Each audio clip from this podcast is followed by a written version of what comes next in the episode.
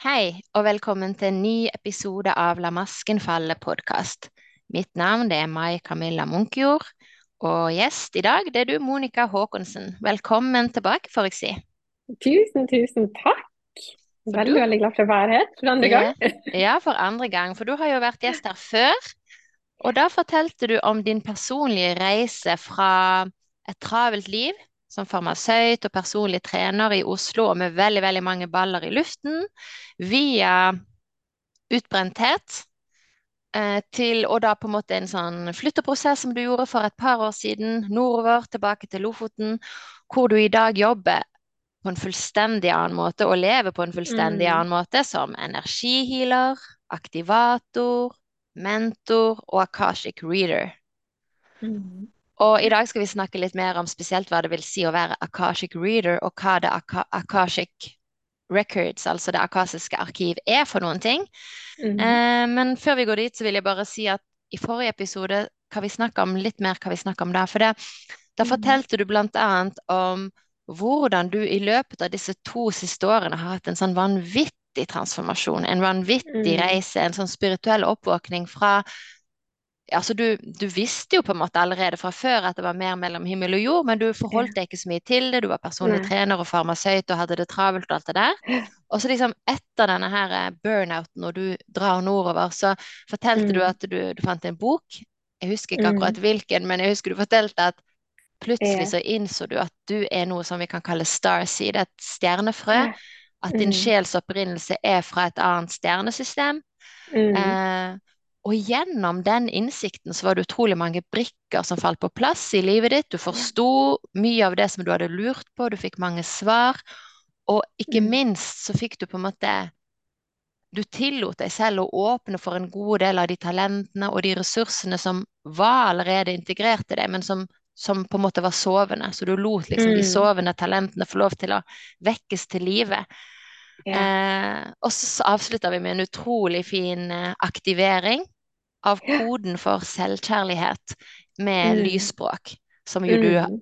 også snakker. Og lysspråk, det Mm. snakker vi også litt om hva det er for noen ting. Så for de som Ja. er nysgjerrig på disse tingene vi har nevnt nå, de kan høre forrige episode hvis de ikke har gjort det allerede. Mm. Men nå altså Akashic Records, og det å være Akashic Reader. Eh, så spennende. Veldig, veldig spennende. Veldig, Ja. veldig spennende. Når hørte du overhodet om The Akashic Record for første gang, og når erfarte du ditt første møte med det akasiske arkivet? Du, jeg tror faktisk den første gangen jeg hørte om Akashic Records, um, det var i den boka du nevnte, som heter 'Light is the New Black' av uh, Rebecca Campbell. Jeg Mm. mener det var den boka uh, av hun jeg leste eh, om Akashic Records. Og i den boka så var det også en liten sånn meditasjon man kunne ta. Mm. Eh, og det tenkte jeg var så spennende. Um, la meg prøve dette. Så da satte jeg meg ned og liksom visualiserte det her som sto i den meditasjonen. Og, og jeg fikk jo noe informasjon uh, i den meditasjonen. Det var ikke noe jeg egentlig trodde på. Jeg trodde jeg satt og fant opp ting sjøl. Tenkte ja, ja. Det, det, tenkte, det, det er noe sånn som det er. Uh, og så la jeg det litt fra meg. Um, Eh, og i løpet av eh, dette året, det var jo fjoråret da, eh, der jeg hadde en oppvåkning og først hørte om Akashic Records, så kom liksom Akashic Records opp igjen og igjen og igjen.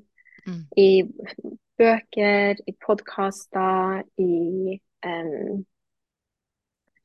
på Instagram og i sosiale medier og sånt. Så jeg begynte å bli veldig nysgjerrig på eh, hva det her egentlig eh, var, og hvor stort det var. For jeg skjønte jo at Akashic Records eh, det var en plass som inneholdt all informasjon nesten i hele verden. Alle energetiske spor.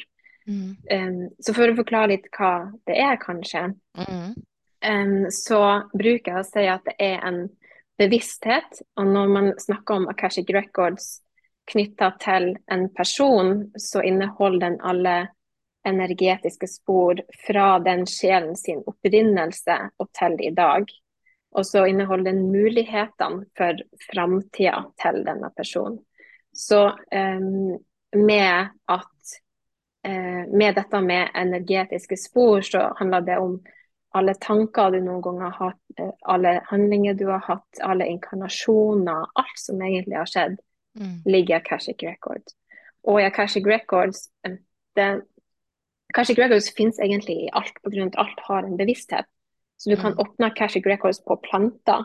Mm. Eh, og det var jo litt sånn de gjorde eh, før i tida, for mange mange tusen år siden, når de fant ut hvordan planter kan vi bruke som medisiner, og hva, hva er det som er giftig, hvordan skal vi bruke de. Så var det Mm. noen som, altså en kanal sånn som jeg er, en energioversetter, Mm. så kobla seg på eh, Akashic Records, eller en The Spirit of the Plant, Mm. eventuelt litt sånn samme greia, eh, og tok ut en informasjon av den planten. Og det kan du Mm. gjøre på alt. Du kan gjøre det på hus, du kan gjøre det på landområder, eiendommer, på dyr. Alt har Akashic Records. Men jeg bruker den da i hovedsak til å åpne for mennesker, da. Mm. Og dere ned i sjelen. Ja. Mm. Kan jeg spørre sånn, er det, er det mange som har den, eh, den muligheten for å åpne opp til å kunne lese akasiske arkiv, Akashic Records, til andre mennesker og, og ting og vesen og planter og sånt, eller er det noen få mennesker som på en måte har dette latent? Jeg tror alle, alle mennesker kan åpne Akashic Records, men det vil komme enklere for de som har hatt inkarnasjoner der de har vært kanaler eller jobba med Akashic Records før. Mm. Men i bunn og grunn så er det noe alle kan lære seg, pga. at alle har um, evnene til å ta inn energi og, og transformere det til en måte som du forstår det på. Altså om du er klarsynt eller klarhørt eller klarviten eller klarfølt. Den måten du mottar energi best på. Det handler bare om at du må kanskje øve litt mer for å åpne det. Um, Mm. Og det, det er absolutt noe jeg jeg anbefaler alle til å gjøre hvis de syns det er spennende og de er interessert i det, for de aner ikke om de faktisk kan få det til eller ikke før de har prøvd. Mm. Um, ja, så absolutt. Det, det er noe alle kan ha muligheten til å gjøre. Ja, så spennende. Og tilbake til deg da, og din reise. sant? Fordi den første gangen du prøvde det, så følte du ja, ja, det kom noe litt, men kanskje var det du som fant det opp. Og, så liksom, og derifra da, og videre. Mm. Sant? Du sa det, du, du opplevde liksom at du fikk ordet Akashic Records som et inntrykk overalt, så du skjønte jo at dette har noe med deg å gjøre. Dette har noe med din Mm. livsoppgave å gjøre. Så hva skjedde så? Ja, og så var jeg jo veldig fascinert av tidligere liv og det å dykke ned i sjelen. Jeg er veldig dyp og elsker sånne dype ting. Ja. Uh, så det, det, trakk, eh, det trakk veldig um, mot meg, disse med Akashic Records.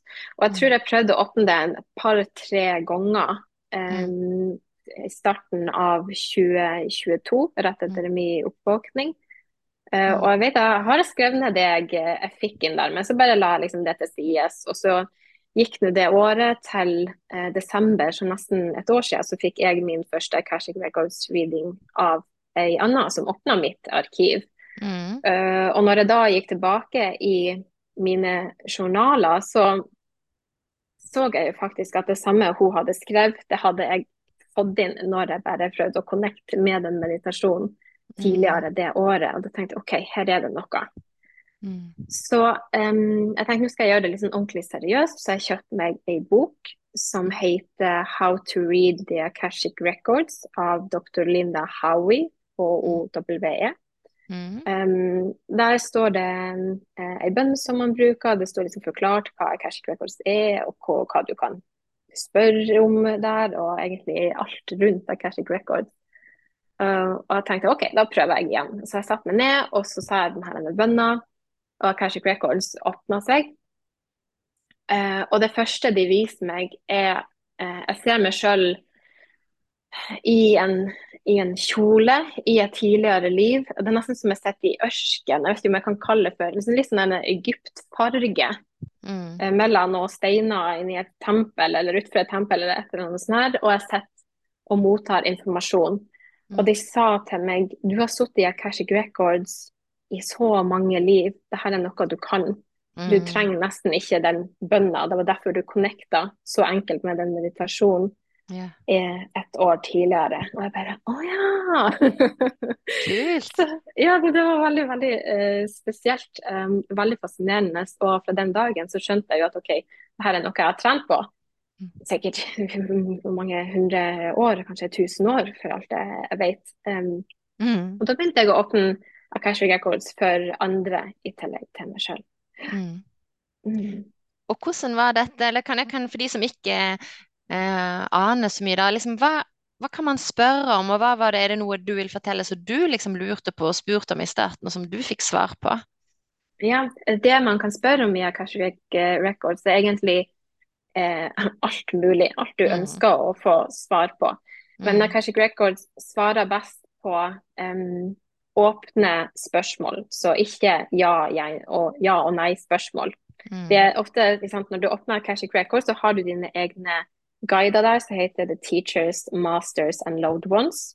Mm. Uh, og nesten som det er et sånn hierarki der. Så over de er det The Lords of the Akashic Records, som da liksom bestemmer litt OK, hva er det denne personen er, er klar for å motta? Og da Mm. sender det ned til The Lords, The Masters and The Loved Ones, og så videre ned til kanalen. Altså det blir jo den readeren, da. Mm. Um, eh, og da eh, er det ofte litt sånn at de, de liker å utdype litt og snakke litt rundt det. Så liksom ja- og nei-spørsmål er litt sånn ja, dårlig. De kan si ja eller nei, eh, men vanligvis så vil de utdype litt mer for å skape en forståelse rundt det du spør om. Mm. Og det er veldig mange um, spør om og lurer på, i hvert fall når det kommer til alt som har vært. Altså all fortid og tidligere liv. er Liksom, hva, hvem har jeg vært, hva har jeg gjort? Hvordan blokkeringer har jeg fra tidligere liv som jeg trenger å, å se på og forstå i dag for å løse det opp og komme videre i dette livet? Mm. Eh, hva er min eh, livsoppgave? Hva gjør jeg her? Hvor kommer sjelen min fra? Mm. Um, eh, veldig mange sånne eh, spørsmål. Og så er det også de som lurer på hva de skal gjøre inn i framtida. Altså man står i en situasjon og man vet ikke hvilken avgjørelse man skal ta. Mm. Og da vil Akashic Records gi ditt høyeste potensiales svar. Mm. Så ja, det som er for ditt høyeste beste og alle sitt høyeste beste rundt deg, det er Mm. det svaret du vil få. Men det er jo ikke nødvendigvis det som kommer til å skje. Nei, sant, for Det det er jo an man har fri vilje, sant? Ja, ja, akkurat. Mm.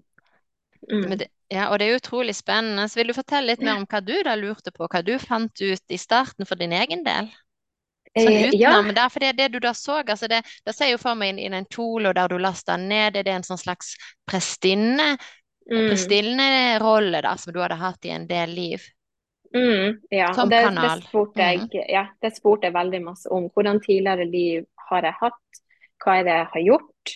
Mm. Um, og på det tidspunktet um, nå i vår, når jeg begynte å åpne mitt eget Akashic Record, og jeg var klar over at jeg faktisk gjorde det, så hadde jeg jo fått vite at eh, jeg var en del av eh, en prestinnelinje. Eh, jeg hadde skjønt at jeg hadde en veldig eh, sterk kobling mot gamle Egypt, eh, templene der. Um, så jeg spurte veldig masse rundt det, liksom, og hvilke gaver jeg hadde, hva jeg skulle bruke de til, Mm. hvem jeg skulle hjelpe. Um, for jeg har alltid hatt denne dragninga mot min egen livsoppgave, som jeg da begynte å, å skjønne meg litt mer på og sette i Mm. system. Mm. Uh, og så kunne jeg gå inn i Akashic Records når det var ting som skjedde i hverdagen min og i livet mitt, um, der jeg liksom ikke helt skjønte greia. Det Mm. kunne være relasjoner til andre mennesker. Mm. Hvorfor den personen kom inn i livet mitt da, hva jeg skulle lære av den relasjonen. Em, eh, og jeg hadde også en sånn spesiell opplevelse både med, eh, med rose, altså planten rose, og eh, blå lotus. Og jeg gikk inn og Mm. spurte hva, hva er greia med de her, her Mm. blomstene, for at jeg blir så trukket mot dem, og det skaper noen spesielle vibrasjoner i kroppen min. Og så fikk jeg da liksom em, beskjed liksom, OK, dette her er det forholdet du har hatt med disse plantene før. Det er derfor de er så sterke i deg. For du har jobba veldig masse med det i tidligere liv. Og de har veldig høye frekvenser. Så det er veldig veldig masse interessant man kan gå inn og spørre. Ja. ja, det er jo sånn. Kjempespennende. Mm. Um, det er virkelig spennende. Jeg kan jo si for min del, for jeg har jo vært så heldig å fått eh, en sånn hovedakashic reading hos deg, og så er en litt kortere. Eh, og i den hoved, da var jeg jo annet opptatt av dette her med min sjelsopprinnelse. Mm.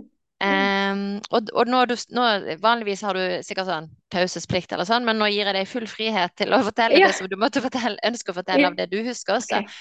Um, for da spurte vi jo det, sant, altså hvor kom jeg fra? Og jeg, jeg visste også på forhånd på en måte at jeg blant annet har en, altså at jeg hadde en starseed-opprinnelse, eller at det på en måte min Mm. sjel har vært på planeter fra før, og ordet hybrid var liksom det som jeg hadde hatt i mitt hode da, men jeg visste ikke egentlig hvor.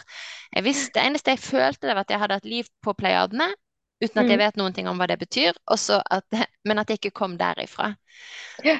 Og så spør, så spør vi jo da eh, hvor jeg kommer fra, og så sier du svaret Andromeda. Ja. Og Mm. der og da så er det som om jeg aldri har hørt det før, nesten som jeg ikke kan uttale. Det var sånn veldig sånn Ja. Andromeda, hva er det for noen ting?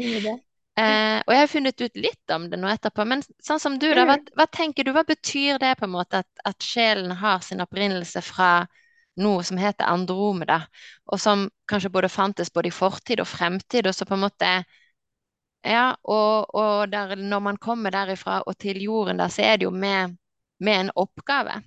Og det er det jo Mm. selvfølgelig alltid uansett, altså. Men hva, hva, hva tenker du på en måte? Hva, hva kan være fordelene med å vite litt for en som er nysgjerrig, hvor man har sin sjels opprinnelse fra? Hvilken type trygghet kan det gi, og hvorfor, hvorfor kan det gi noen svar? Du kan tenke i forhold til Mm. deg selv også, liksom. Hva, Mm. Ja. what's in it? Mm. Uh, jeg tenker at um, når du får svar på hvor du kommer fra, eller din sjel kommer fra, så kan det gi deg en bekreftelse på ting du har følt på hele livet. Altså mange Mm. star seeds, sånn som jeg og du, vi, vi kan føle oss veldig fremmed her på jorda. Mm. Uh, og føle oss veldig annerledes enn andre mennesker, uten å egentlig ha en forklaring på hvorfor, eller virkelig kunne sette fingeren på det. Mm. Men når man kommer fra andre um, galakser, solsystem, planeter, Mm. eh, og har hatt mange liv der, så bringer man jo med seg en veldig sånn galaktisk essens inn, i, inn på jorda, som er veldig sånn 3D, sant? Inn, mm. innenfor boksen og, og det her, er her Mm. uh, A4-livet. Em, så for min del så ga det meg um, den her tryggheten på at OK, jeg er ikke eh, Altså kanskje jeg er litt rar, ja, men, men jeg skjønner hvorfor nu, hvorfor jeg har følt meg så annerledes. Mm. Uh, og det jeg syns er veldig positivt med det, og som åpner veldig masse for meg, er at når jeg minner meg på at, um, at jeg kommer fra en annen planet, og min planet er Mintaka, da, for dere Mm. som ikke har hørt den andre episoden vi snakker om, yeah. så skjønte jeg jo også OK, da, har faktisk sjelen min veldig mange gaver som ikke er, kall det jordlig. Eh, og det gjør også at jeg kunne utvide min horisont i forhold til hva jeg har av evner, og hva som er mulig å utrette på jorda. Mm. Eh, og sånn som du som kommer fra eh, Andromeda, sånn som jeg opplever de få jeg har truffet fra Andromeda, er at det er veldig vise, gamle sjeler eh, som ønsker å formidle et eller annet. Oftest, nå når jeg tenker meg om, de jeg vet som kommer fra Andromeda, de, de er glad i å prate, og de er glad, glad i å formidle, og de er veldig sånn eh, reflektive og, eh, og ser verden og jorda på en annen måte. Mm. Eh, og, og det som var litt artig, at jeg og du hadde din Akashic Records reading, og eh, vi, vi så og, og oppdaga at du er fra Andromeda. Um, Mm. Er at jeg, jeg har hatt et Starseed-program sjøl som jeg hadde siste um, sesjon på nå i uka som var. Uh, og da kom, um, da kom det galaktiske vesen fra um, Andromeda som ønska å gi en gave til de som var i det programmet. Og den gaven de ønska å gi, var gaven av visdom. Mm. Og da tenkte jeg ja, men det stemmer jo veldig godt med sånn jeg kjenner Mai Camilla og de her andre som er fra Andromeda. De er veldig vise sjeler. Ja, ja, tusen takk. Ja, det er litt sånn artig. Jeg, jeg la Mm. merke til at det sto på en måte, jeg har bare googla litt, grann, eh, at eh, ofte så, så har man på en måte en sånn både sterk, veldig sånn sterk dragning mot såkalt altså kunnskap og vitenskap og, og Mm. fakta og sammenhenger og sånn, men samtidig veldig sterk intuisjon, og at det handler på en måte om å bruke ja, kanskje på en måte se det at, at kunnskap er selvfølgelig alltid produsert fra et sted, ikke sant? Og det vil alltid bare være på en måte én brikke i et stort puslespill. Og det Mm. tror jeg jo er viktig å, å bli mer og mer bevisst da, i dagens samfunn, hvor vi på en måte bruker ja, forskning viser, bruker man liksom som en sånn type forklaring på absolutt alt, og så, Yeah. uten nødvendigvis på en måte at det er det hele og fulle bildet, men akkurat med det perspektivet, akkurat med den forståelsen, så kommer man frem til det svaret, fordi forskerens eget blikk og perspektiv har alt å si for hva man kommer frem til. Altså, jeg vet ikke, men liksom Mm. det å være bevisste, ikke sant, at vi, at vi etter Mm. hvert nå kan begynne å bli bevisst at det vi tror er såkalt objektiv vitenskap, er ikke objektiv. Alt er fra et sted. Alt, absolutt Mm. alt er fra et sted. Så det er jo, det er jo Mm. veldig spennende, egentlig, da, hvordan det, de nye innsiktene vi har fra kvantefysikken, vil være med å påvirke hvilken utvikling eh, vitenskapen tar, og ikke minst nå hvordan denne bevissthets eh, Mm. bevissthet, skal vi si, økningen eller eh, den spirituelle åpningen som, som pågår i, på jorden, da, hvordan det vil prege og jeg vil jo tro føre til et paradigmeskifte innenfor vitenskapen, eh, Mm. og f.eks. gå fra veldig sånn der, veldig mye rigide, veldig mye rigide måter og prosedyrer og fremgangsmåter til en mye større eh, åpenhet for intuisjon og for å bare laste ned det som er riktig, ikke sant? Mm. Istedenfor å, å gå noen sånne veldig kronglete, trasige omveier som. Fører til at mange forskere ser ut som de kjeder seg helt kolossalt og er grå og gusten i ansiktet, ikke sant? Fordi de blir så slitne av sine egne prosedyrer istedenfor å bare hoppe rett til svaret. Jeg vet ikke. Ja, ja, ja. Godt poeng. I don't know. Ja. Det var en sånn liten Men i alle fall, at jeg dro med det, det, var noe jeg kjente meg igjen. Det var egentlig ganske mye jeg kjente meg igjen. Det var veldig sånn spennende og veldig sånn fint. Jeg tenker at ja, det der Mm. må være Starseed, at det er liksom en sånn alternativ forklaring på at man er som man er, som du sier. Mm. Og så, Mm. så kan vi jo velge å bruke liksom ulike merkelapper da, for å, for å, ja, for å si at ja, sånn kan jeg ses, og sånn kan jeg ses, og sånn kan jeg ses. At det er ulike aspekter av oss selv som Mm. hjelper oss til å, ja, til å kanskje også få om, omsorg for oss selv. Altså sant, mer sånn Ja. type aksept og omsorg for oss Ja, selv, fordi vi har noen absolutt. vansker og, og noen talenter og noen utfordringer, og sånn er det bare. Mm. Mm. Ja, absolutt. ja. Så jeg tenkte det du sier med aksept, det er veldig fint. For at det, det er absolutt det som det gjorde meg veldig rolig. Eh, og jeg Mm. aksepterte meg sjøl på et annet nivå når jeg fant ut hvor, hvor jeg var fra. Mm. Um, og igjen dette her med at jeg skjønte at, det, at um, jeg kom med eh, gaver og koder som verden var klar for å, å høre nå. Og det tenker jeg også er veldig um, viktig å ta med seg om man kjenner at man er annerledes, og om man da finner ut at man kommer fra um, et annet stjernesystem. Du har også jordengler, du har veldig mange forskjellige sjeler. Um, men er kommet for å formidle sine unike gaver for Mm. å hjelpe eh, mennesker og hjelpe jorda. Mm. Mm. Før vi snakker litt mer om dine gaver og koder, eh, hvor vanlig tenker du at det å være Starseed er blant, blant alle de mange milliarder sjelene som er på jorden i dag? Oi, det er et eh, godt spørsmål. Der har jeg jo ikke noe sånn fasitsvar, men ut ifra de eh, readingene jeg har, um, så er det kanskje en tredjedel som viser seg å være starseed. Når det er det de har spurt om, når de har spurt om sin purpose og sin opprinnelse. Mm. Eh, det er da eh, disse guidene i Akashic Records deler med dem. Mm. Og noen kan være starseed, men er ikke klar for å høre det ennå. Og da Mm. vil ikke Akashic Records dele den informasjonen med dem, for det vil bli for overveldende. Mm. Men ja, jeg tror det er en Det er ganske mange starseeds, men det er ikke det som er mest av i verden. Mm. Det er det ikke. Mm. Mm.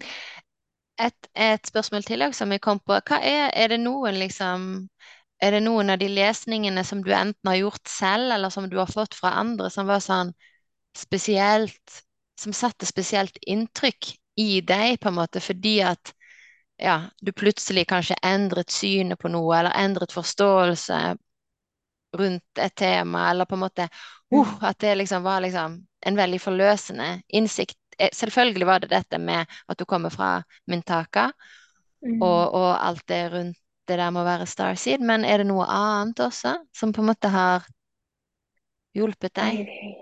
Um, det er et godt spørsmål. Jeg føler at hver gang jeg går inn i Akashic Records, i hvert fall for min egen del, så får jeg ny innsikt. Mm, Uh, og jeg får ny forståelse for hvordan ting henger sammen. Og det gjør også at jeg kan få en, en ro rundt ting. Altså ro rundt noe som kanskje har bekymra meg. Um, eller noe jeg bare ikke forstår, noe som har vært sårt. Um, og kanskje noe som um, har satt et spor hos meg for min egen del i mitt arkiv, var når jeg gikk inn og spurte hva er mitt forhold til min bror, for vi har et veldig dårlig forhold. Mm, Um, og når jeg da fikk svaret på det, så bare liksom falt brikkene veldig på plass. Og um, jeg så på forholdet vi hadde på en helt annen måte. Og jeg kunne etter det møte han på en litt mjukere måte enn før, da.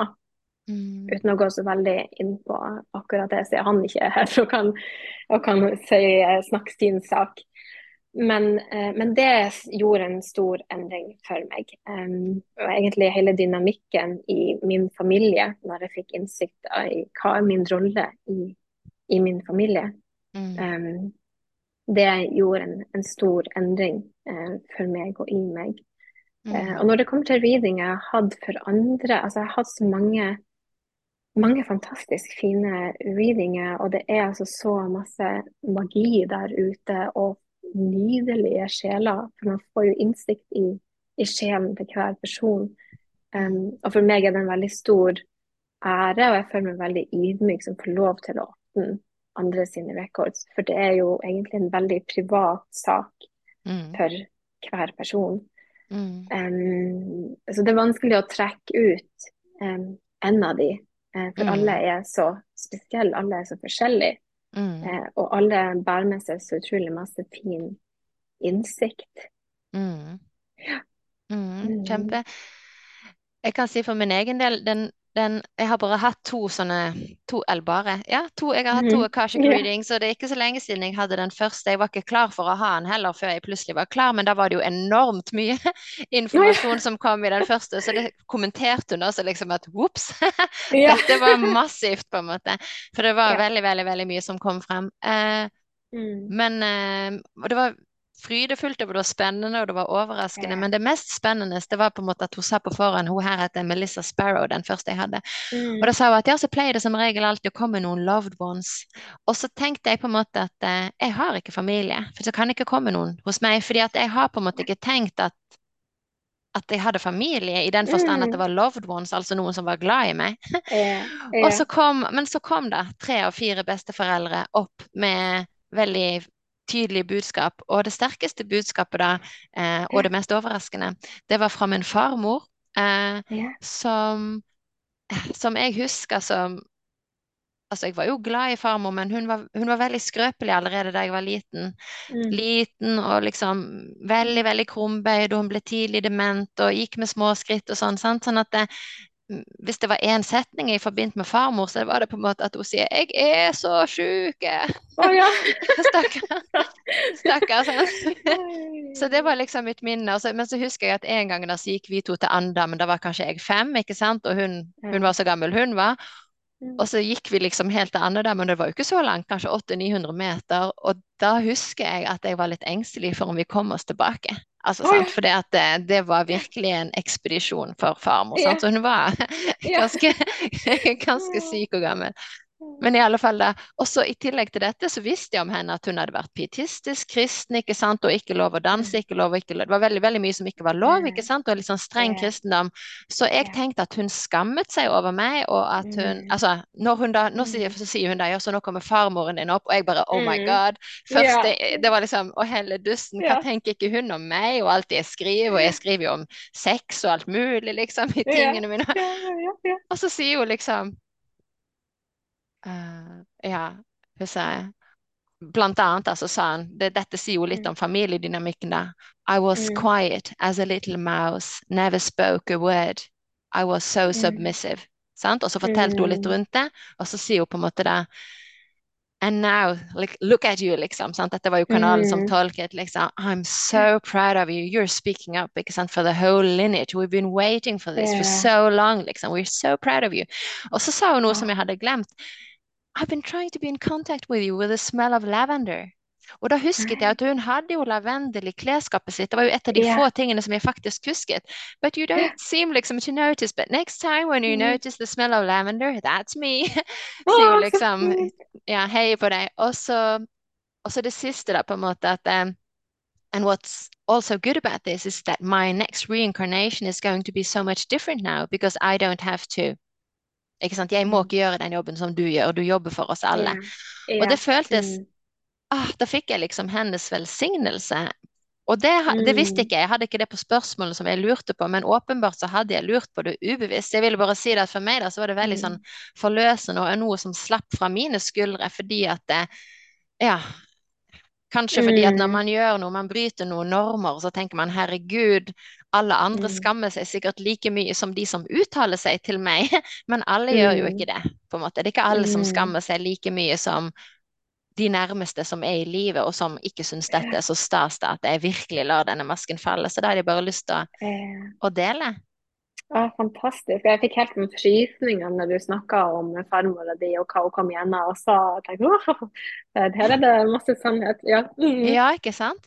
Ja, Eh, her er det masse sannhet. Så utrolig fint. Ja og, det, og det er noe med når de kommer på andre sida der, og de kommer som en av guidene dine, så har de fått en helt annen innsikt i det livet de har levd, og hvordan det er egentlig å være menneske. For da ser de jo så ser de plutselig eh, livet sitt eh, fra et sjeleperspektiv, og ikke fra et menneskelig perspektiv. Mm. Um, og da opplever jeg også at de er, de er veldig kjærlige, de er, de er bare full av kjærlighet. De, det, det kommer nesten igjen hver gang når jeg åpner Cash Records for folk, at både eh, om det kommer deres loved ones igjennom, eller om det er guider, så sier de hvor utrolig stolt de er av den som blir reada for. Det er Mm. bare, ja, de har en sånn massiv um, uh, mengde med kjærlighet og Mm. stolthet som de Mm. ønsker å formidle. Fordi Mm. de ser ting fra et helt annet perspektiv. Mm. Det syns jeg også er veldig nydelig. Mm. Mm. Det er så spennende. Dette her med, jeg kom til å tenke på dette med karmiske relasjoner. Er det noe du har gjort en del readinger på? Og har du noen, har du lyst til å dele litt med dine tanker på hva er karmiske relasjoner? Mm. Eh, jeg har ikke gjort så mange readinger på det. Det er ikke så mange som har lurt på akkurat det. Mm. Eh, men av og til så kommer det gjennom en karmisk relasjon eh, der man bl.a. har eh, opplevd noe i et tidligere liv.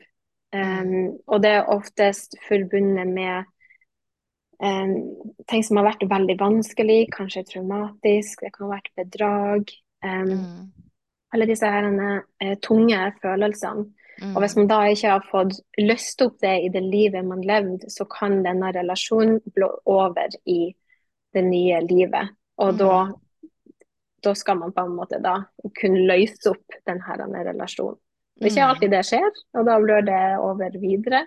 Eh, Mm. Men det handler nok, av, nok om å, um, å gjøre ting rett. Liksom, in the end så, så skal vi liksom eh, rette opp i det som har vært ugjort. Mm. Um, og der uh, kan jeg bl.a. si at um, jeg og broren min har en karmisk relasjon. Og det er derfor det er veldig vanskelig i dette livet å Mm. forholde oss til hverandre. Eh, men så krever det jo to stykker da for å, å få ordna opp i det eh, noen gang.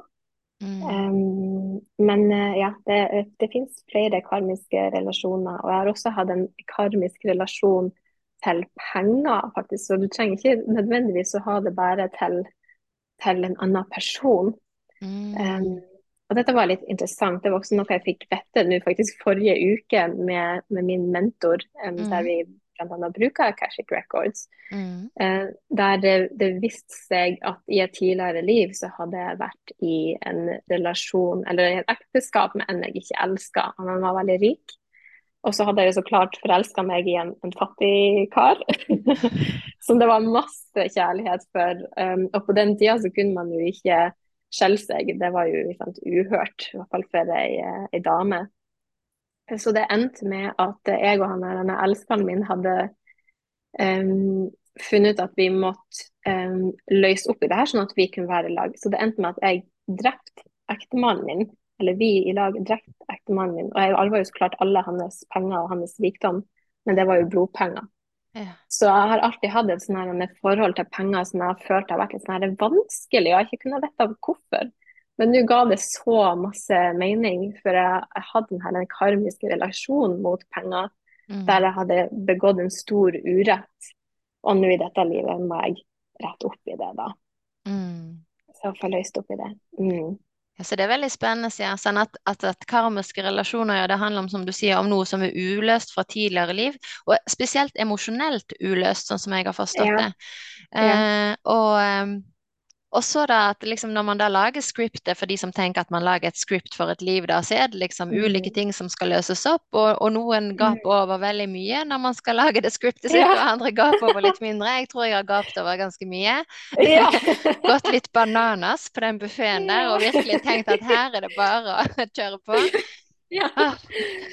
Så jeg tror at jeg har eh, ja, jeg har karmiske relasjoner sånn som jeg forstår det, og har fått forstått det både kanskje både til begge mine foreldre og, mm. og, til flere andre som har vært veldig nær meg. Så spesielt i nære relasjoner så har jeg hatt ganske mye karmiske mm. relasjoner. Og da har det vært en kjempelang vei å bevege seg mot egenkjærlighet, f.eks. Og jeg er der yeah. ikke helt enda heller. fordi at det er klart at når man er i disse vanskelige relasjonene som ikke nødvendigvis er kjærlighetsfylte, ikke sant, til sine nærmeste, så er det jo utrolig vanskelig mm. å, å, bli glad i seg selv.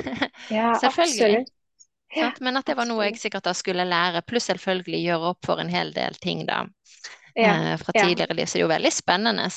Eh, mm. Og det er jo utrolig spennende hvilke transformasjoner som kan skje når man da våger å stå opp for seg selv og kjenne at nå gjør jeg det riktig. riktig. Altså, Riktignok så sårer jeg et annet menneske, men min mm. intensjon er ikke å såre. Min intensjon ja å gjøre det som er sant for meg ja. og riktig for ja. meg, og til selvfølgelig alles beste. Og da kan man jo mm. se på en måte hvordan får jeg da dette til på en så skånsom måte som mulig, f.eks. Mm, mm, ja. absolutt. Uh, og jeg tror jo, jo, mer du på en måte kan rette opp i det sjøl, om man kan si det så mm.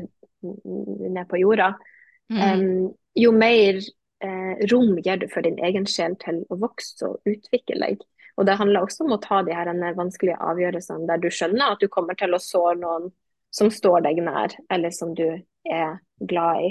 Mm. Um, men i det store bildet så um, er det som du sier, sant? det er for ditt høyeste beste, og det er for egentlig alles høyeste beste. Og det, det skaper en, sånn som jeg ser det, en sånn økning i din egen frekvens og vibrasjon, eh, og gjør at du kan ta deg sjøl til neste nivå i ditt liv. Om man kan mm. si det på en sånn um, høvelig enkel måte, da. Mm. Så ja, det gir veldig stort rom for utvikling og vekst. Mm. Eh. Ja. Er det mange som spør deg når de eh, ber deg om å gjøre Kashik readings, spør de om fremtiden? på en måte? Altså Én ting er jo hvordan det skal Ja, hvilke type spørsmål eh, er det mm. man er nysgjerrig på, på en måte, når det gjelder veien videre? Er det potensialer, hva som ligger der av muligheter? Ja, noen spør om potensialet, liksom hva er mitt potensial, og hvordan kan jeg nå det? Mm. Veldig mange spør om kjærlighet, hvordan mm. de kan møte sin soulmate eller divine partner, eller hva du ønsker å kalle det for. Mm. Og også karrierevei. Hva må jeg gjøre for å finne på en måte, mitt, uh, mitt mission, min oppgave, og hvordan kan jeg jobbe med det. Mm. Så det er veldig mange av disse her store spørsmålene, kjærlighet, karriere, mm. eh, mening og hvordan man kommer seg dit. Mm. Eh, går, går, det an å si noe helt enkelt om svarene der, på en måte? Jeg, jeg tenker jo f.eks. For i forhold til ja. mission, så vil jeg jo tro at mission ofte er for mange i blindsonen, fordi man, man, tror at det må være noe annet enn det som ligger hjertet aller nærmest. Ja, ja, ja, ja. ja. Eh, der, ofte så forventer kanskje de fleste en sånn stor greie som skal komme, og det skal være veldig konkret, og sånt, men det er veldig flytende. Mm. Um, jeg hadde en reading der liksom hennes mission var å ha omsorg for andre. Mm. Og det var det guidene ville dele med henne da. Mm. altså, det kan du gjøre på veldig mange forskjellige måter. Um, og også um, dette her med deg sant, å formidle ting. Det kan man også gjøre på veldig mange forskjellige måter, men allikevel så er det en del av ditt mission og din purpose. Um, så uh, ofte når man spør etter sitt mission og purpose, så er det um, veldig lite konkret, kanskje, spesielt i starten. Det kommer litt an på hvor, uh, hvor langt du sjøl er kommet i din utvikling. Uh, mm. Så når jeg spurte om mitt mission første gang, så fikk jeg kanskje bare noen stikkord. Mm. Uh, og når det nesten hadde gått et år, så var det ennå litt mer konkret, men allikevel ganske flytende. Mm. Og nå nesten et år etter det igjen spurte vi igjen om mitt mission med min mentor. Og da var det veldig konkret. Men mm. allikevel så er det eh, ikke så konkret at de sier du skal gjøre det her, det her og det her og det her for, mm. å, å liksom, for å gå inn i ditt mission og for å formidle det. Mm. Det er bare dette her, det er det du skal gjøre. mm. og, og, disse som spør om kjærligheten, der, hva, hva er liksom typiske svar da? Ja, der er et typisk svar. Ofte så spør de jo når kommer min soulmate. Og, og, tid i Akashic Records det finnes ikke, for tid er bare noe som finnes på jorda. Vi har bare et mm. forhold til det. Ellers så, så er tid en illusjon, om man kan si det på den universelle måten. Det er noe vi sjøl skaper. Så tid får man ikke sagt. Jeg kan få en sånn følelse av OK, snakker vi om innenfor et år eller fem år eller ti år? Liksom. Man kan få en følelse av det, men det er jo ingenting igjen som er satt når det kommer til framtida. Mm. Um, uh, når, eh, når det er sagt, så spør de oftest om liksom, hva må til for at min, jeg skal møte min soulmate. Um, og da kommer guidene inn og sier dette her og dette her og dette her må du jobbe med. For at du skal ta deg til et nytt nivå der du er klar for å møte denne partneren som du egentlig ønsker deg. Mm. Så de mm. får alltid liksom svar på selvarbeid. mm. um, så det er ikke noe sånn at du må gå ut til en barn der, og der vil du møte ham. Mm. Det har jeg aldri opplevd. Nei. Og så er det noe med at når du åpner eh, ditt eh, arkasjiske arkiv, så får du bare informasjon om din egen sjel. Du mm. kan ikke få informasjon om hvem um, denne partneren er, hva navnet deres er. For det er også noen som har spurt om hva er navnet på min soulmate. Um, men det, det, får du rett og slett ikke. Mm. Fordi det handler ikke om hans eller hennes arkiv, det handler om ditt arkiv. Mm. Og det du sjøl kan gjøre. Mm, men ut ifra din erfaring, da, finnes, finnes soulmate? Altså finnes det én soulmate, liksom? Eller finnes det 100 potensielle? Jeg tror det kommer litt an på hva du finner sjøl som din sannhet, men jeg, jeg, tror ikke at det finnes én soulmate. Um, jeg tror du har veldig mange forskjellige soulmater, og det kan både være kjærester og det kan være venner det kan være tilfeldige som du bare møter i noen få minutter, men du bare kjenner at her er det en sånn connection med en gang. Kjemien mm. bare stemmer. Og så ser mm. du aldri den personen igjen. Men jeg tror også det er en av dine soulmates. Mm. Um, men jeg tror at det er noe som kalles for en twin flame, og det tror jeg finnes bare én av. Mm. Uh, og de sier jo at det er liksom én sjel splitta i to mm. kropper. Um, så det tror jeg enda, men jeg tror ikke nødvendigvis at alle skal være med sin twin flame. Mm. For det igjen kan også være ganske vanskelige relasjoner. Mm. Uh, og man er kanskje ikke ment for å være lag, men man er kanskje ment for å møtes og lære veldig masse av hverandre. Mm. Um, og så i andre tilfeller igjen tror jeg at det er noen twin flames som er ment for å inkarnere i lag og være i lag og ha harmoniske forhold. Mm. Men de, de, tror jeg um, twin flames tror jeg er enda mer sjelden. Um, at det ikke er alle mennesker som får møte sin twin flame. Og noen ganger er deres twin flame på andre sida som guide. Ja, det har er liksom, det er jo bare ulike ting man plukker opp. Da. Jeg har liksom jeg ja. plukket opp at veldig, for veldig mange så er the twin flame ikke nødvendigvis å reinkarnere på jorden samtidig, liksom. Så, Ja. så det å gå Mm. og lete etter the twin flame er i hvert fall et eh, relativt destruktivt prosjekt Ja. for de fleste, da. Ja.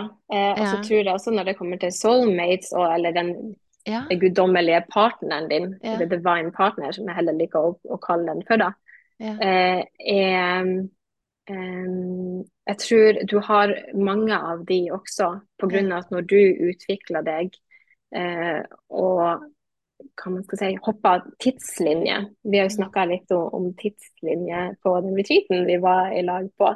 Mm. Eh, men når man utvikler seg og liksom løser opp i ting, så hopper man til nye tidslinjer.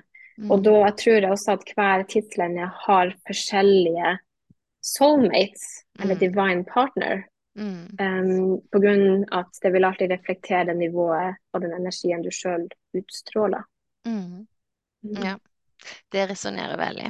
Og jeg tenker sånn tidsmessig at vi må begynne å runde litt av. Men Ja. er det noe Monica du har lyst til å si til slutt? Eh, hvis noen som ønsker en Akashic reading med deg, hvordan tar de kontakt? Vi nevnte det i forrige episode, men vi kan nevne det en gang til. Ja. Eh, du finner meg på Instagram først og fremst, under mm. Monhak, M-O-N-H-A-K. Mhm. Eh, der finner du en link øverst i min bio, der du kan gå inn og se hvordan timer jeg har ledig, og booke inn. Mhm. Um, eller bare send meg en melding om det er noe du er usikker på der inne, så får du svar så fort eh, som jeg har mulighet til å svare deg. Mm. Uh, og hvis du, jeg tenker i hvert fall hvis du er veldig nysgjerrig på ting som har vært, um, at, og på sjelen din, at du har lyst til å bli kjent med deg sjøl i dypet av deg sjøl, i din egen kjerne, så er en Akashic Records reading et fantastisk verktøy for å få den informasjonen. Mhm. Eh, og for meg har det vært helt unikt, og det har bare skapt en sånn forståelse for meg sjøl og den veien jeg er her for å gå. Um, så om det er noe som trekker deg, så er det noe jeg virkelig anbefaler. Og så vil jeg også si at um, det, det kan også være lurt å få et lite overblikk over hvordan Akashic Records-readere som finnes der ute. For det er ikke nødvendigvis jeg som er din rette reader. Mm. Uh, på grunn av, som jeg sa, det er veldig intimt, du går jo inn i sjelen, og det er veldig privat.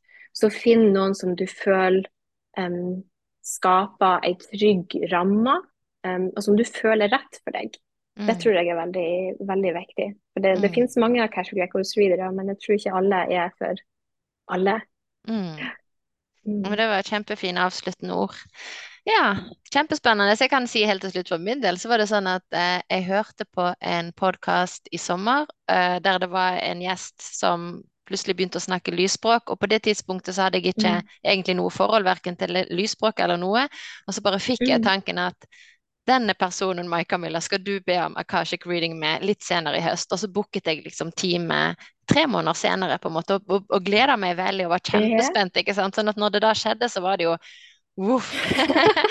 Flodbølge som kom. Flodbølge av informasjon. Så det var jo masse, masse, masse informasjon som kom i, i readingen som du hadde òg, Monica. Men det var liksom på en måte kanskje litt tydelig for meg at dette var andre reading, tross alt. på en måte, Fordi Ja. det, var, det var veldig mye som allerede var kommet i den første flodbølgen. Det var utrolig, ja, ja. utrolig, utrolig fint og spennende, så jeg vil òg anbefale Kashik reading til alle som er Mm. interessert. Og så Mm. kan man jo, hvis man er superinteressert, begynne å våge å åpne selv etter hvert. Og det kjenner jeg at det, det jeg fremdeles, det syns jeg er altfor skummelt. Jeg er ikke der ennå. Men plutselig så er man der. Det har jeg jo opplevd før, at eh, ting kan endre seg fra en dag til neste. Ja, og så tror jeg også du blir eh, trukket mot det hvis det er meninga at du skal åpne, Mm. at det er noe du skal finne ut, noe du skal forstå om deg sjøl eller om Akashic Records. Så vil du kjenne på denne tiltrekninga mot at Mm. nå er det tid, nå vil jeg åpne. Dette er veldig spennende, så jeg er veldig fascinert av det her. Ja, for jeg har syntes det var utrolig spennende å få innsikt i ulike tidligere liv og ulike typer sånne, sånn som du sa det, at man ser at og der har man levd med den sjelen på den måten, sånn at Mm. nå opplever man the flip side, ikke sant, altså den motsatte relasjonen for eksempel, og så da gir det mer mening, og man kan ha mer omsorg både for seg selv og sine medmennesker som, som kanskje eksempel har såret en da, ikke sant, altså en har blitt Mm. såret, og så ser en at ok, men det var fordi jeg skulle erfare det, da Ja, gir det litt Og så er det nesten som at man får et sånn eh, stort overblikk over eksistensen Mm. i, i det hele og det store, altså hva man gjør her som mennesker, og hvordan det er å være en sjel, egentlig. Og det Mm. syns jeg også er, er veldig fint og har gitt meg en, en stor forståelse for andre mennesker og menneskemøter. Mm. Så ja, det, det syns jeg også det hjelper veldig med. Mm. Spesielt som reader, da, som får innblikk i så mange ja, forskjellige Ja, det må være utrolig spennende tilværelse, Monica. Jeg tror vi skal avslutte der. Jeg skal Mm. legge ut eh, altså kontaktinformasjon i episodebeskrivelsen, og de to bøkene som vi har nevnt, de tenker jeg kan legge som referanser for de som har lyst til å, å kikke på Ja. Det skal Ja, vi gjøre. mm. Mm. Og med det så vil jeg si tusen hjertelig takk til deg, Monica. Og det har vært utrolig spennende og lærerikt å snakke med deg. Tusen takk. Tusen takk sjøl, og det har vært eh, en ære å ha vært her for andre gang i podkasten din. Eh, Og jeg beundrer det arbeidet du gjør, meg, Camilla. Jeg tror eh, du kommer til å endre veldig, veldig mange sitt liv med det arbeidet du gjør. Tusen, tusen takk for det. Det er jeg glad for å høre. Og til dere lyttere, på gjenhør. Og god jul, får jeg si, for de som hører denne her før jul 2023. Ha det bra.